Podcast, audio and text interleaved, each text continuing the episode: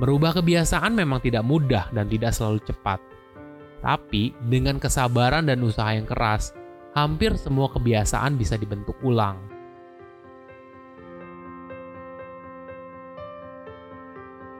Halo semuanya, nama saya Michael. Selamat datang di channel saya, Sikutu Buku. Kali ini saya akan membahas buku The Power of Habit karya Charles Duhigg.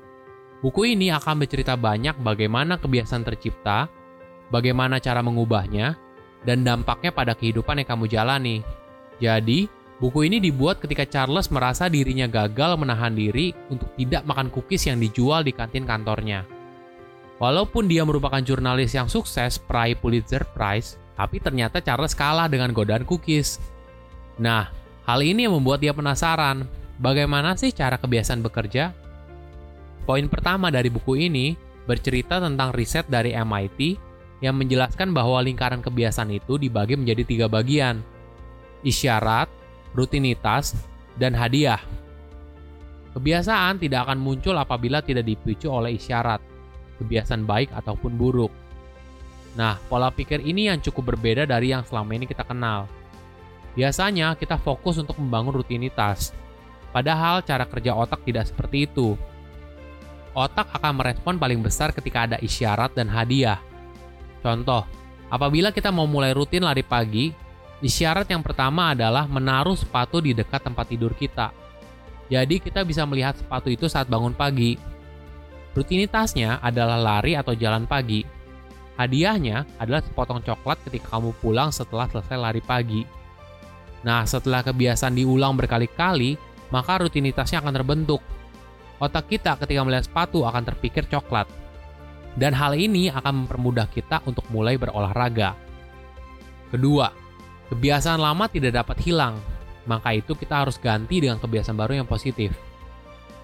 Charles memberikan contoh perokok berat yang ingin berhenti merokok, menggantinya dengan makan permen atau cemilan. Walaupun perokok itu mulai berhenti merokok, tapi muncul masalah baru, yaitu berat badannya yang bertambah.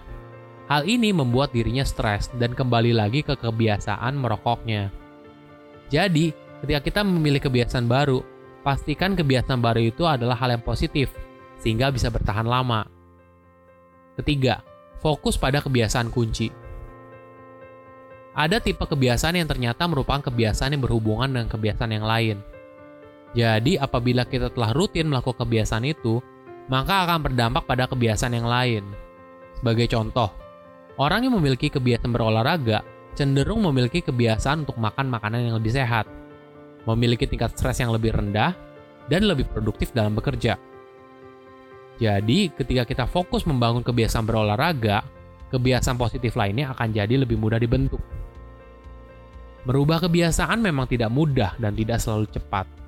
Tapi, dengan kesabaran dan usaha yang keras, hampir semua kebiasaan bisa dibentuk ulang. Nah, tadi adalah tiga pelajaran penting dari buku The Power of Habit. Silahkan komen di kolom komentar pelajaran apa yang kalian dapat ketika baca buku ini. Selain itu, komen juga mau buku apa lagi yang saya review di video berikutnya. Saya undur diri, jangan lupa subscribe channel YouTube Sikutu Buku untuk versi animasinya. Bye bye.